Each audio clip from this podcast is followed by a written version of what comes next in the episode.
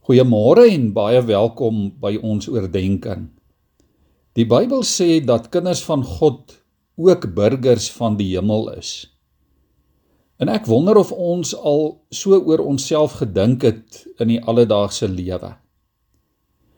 Dalk het iemand al vir jou iets gevra soos van watter botas is jy of van watter van 'n merwes is jy of van watter enslins is jy?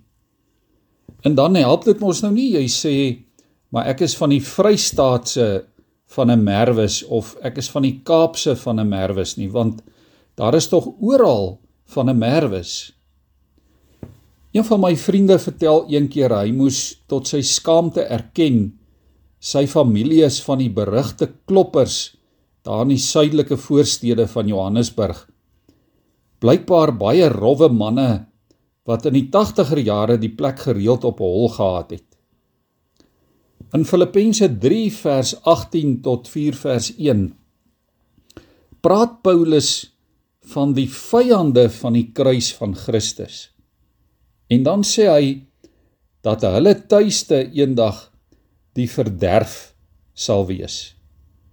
Maar dan sê hy ook daar in vers 20: Maar ons is burgers van die hemel van waar ons ook die Here Jesus Christus as ons verlosser verwag. Ja, liewe vriende, jou en my herkoms sê tog iets van elkeen van ons.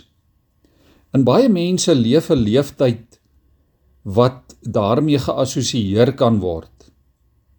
Soos die wille kloppers van Johannesburg met hulle vreemde reputasie. Maar as Christene hoef ons nie gevangenes te wees van ons herkoms nie. Ons moet eerder kies om 'n lewe te leef wat pas by ons toekoms. Ons is burgers van die hemel.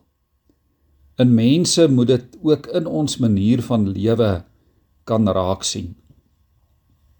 Wat 'n wonderlike getuienis sal dit nie wees as iemand van jou en van my sê daardie ou, daardie persoon gaan reguit hemel toe nie. Dit kan ander mense ook motiveer en saamsleep hemel toe.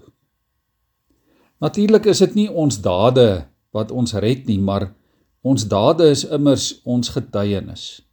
Ons dade is bewyse en bevestigings aan wie ons behoort. En daarom word jy en ek geroep om ook te lewe wat ons dade aanbetref, ons doen en late soos burgers van die hemel. Ons kan dit ook doen want as ons Christus as ons saligmaker aangeneem het, dan het ons reeds die paspoort vir 'n opwindende nuwe toekoms. Dan gaan dit nie so seer in die eerste plek oor ons herkoms nie, oor waar ons vandaan kom nie, maar dit gaan bo alles oor ons toekoms. Kom ons buig ons hoofde so saam in gebed voor die Here. Here baie dankie dat ons dit vanmôre kan hoor. Ja Here dat ons as gelowiges ook kan weet dat ons toekoms verseker is. Ja Here dat ons verseker 'n ewige toekoms, 'n ewige tuiste saam met U in die hemel het. Here ons weet dat dat die hemel miskien 'n vreemde gedagte vir ons as mense is, dat dit vir ons moeilik is om daardie prentjie in ons gedagtes te vorm.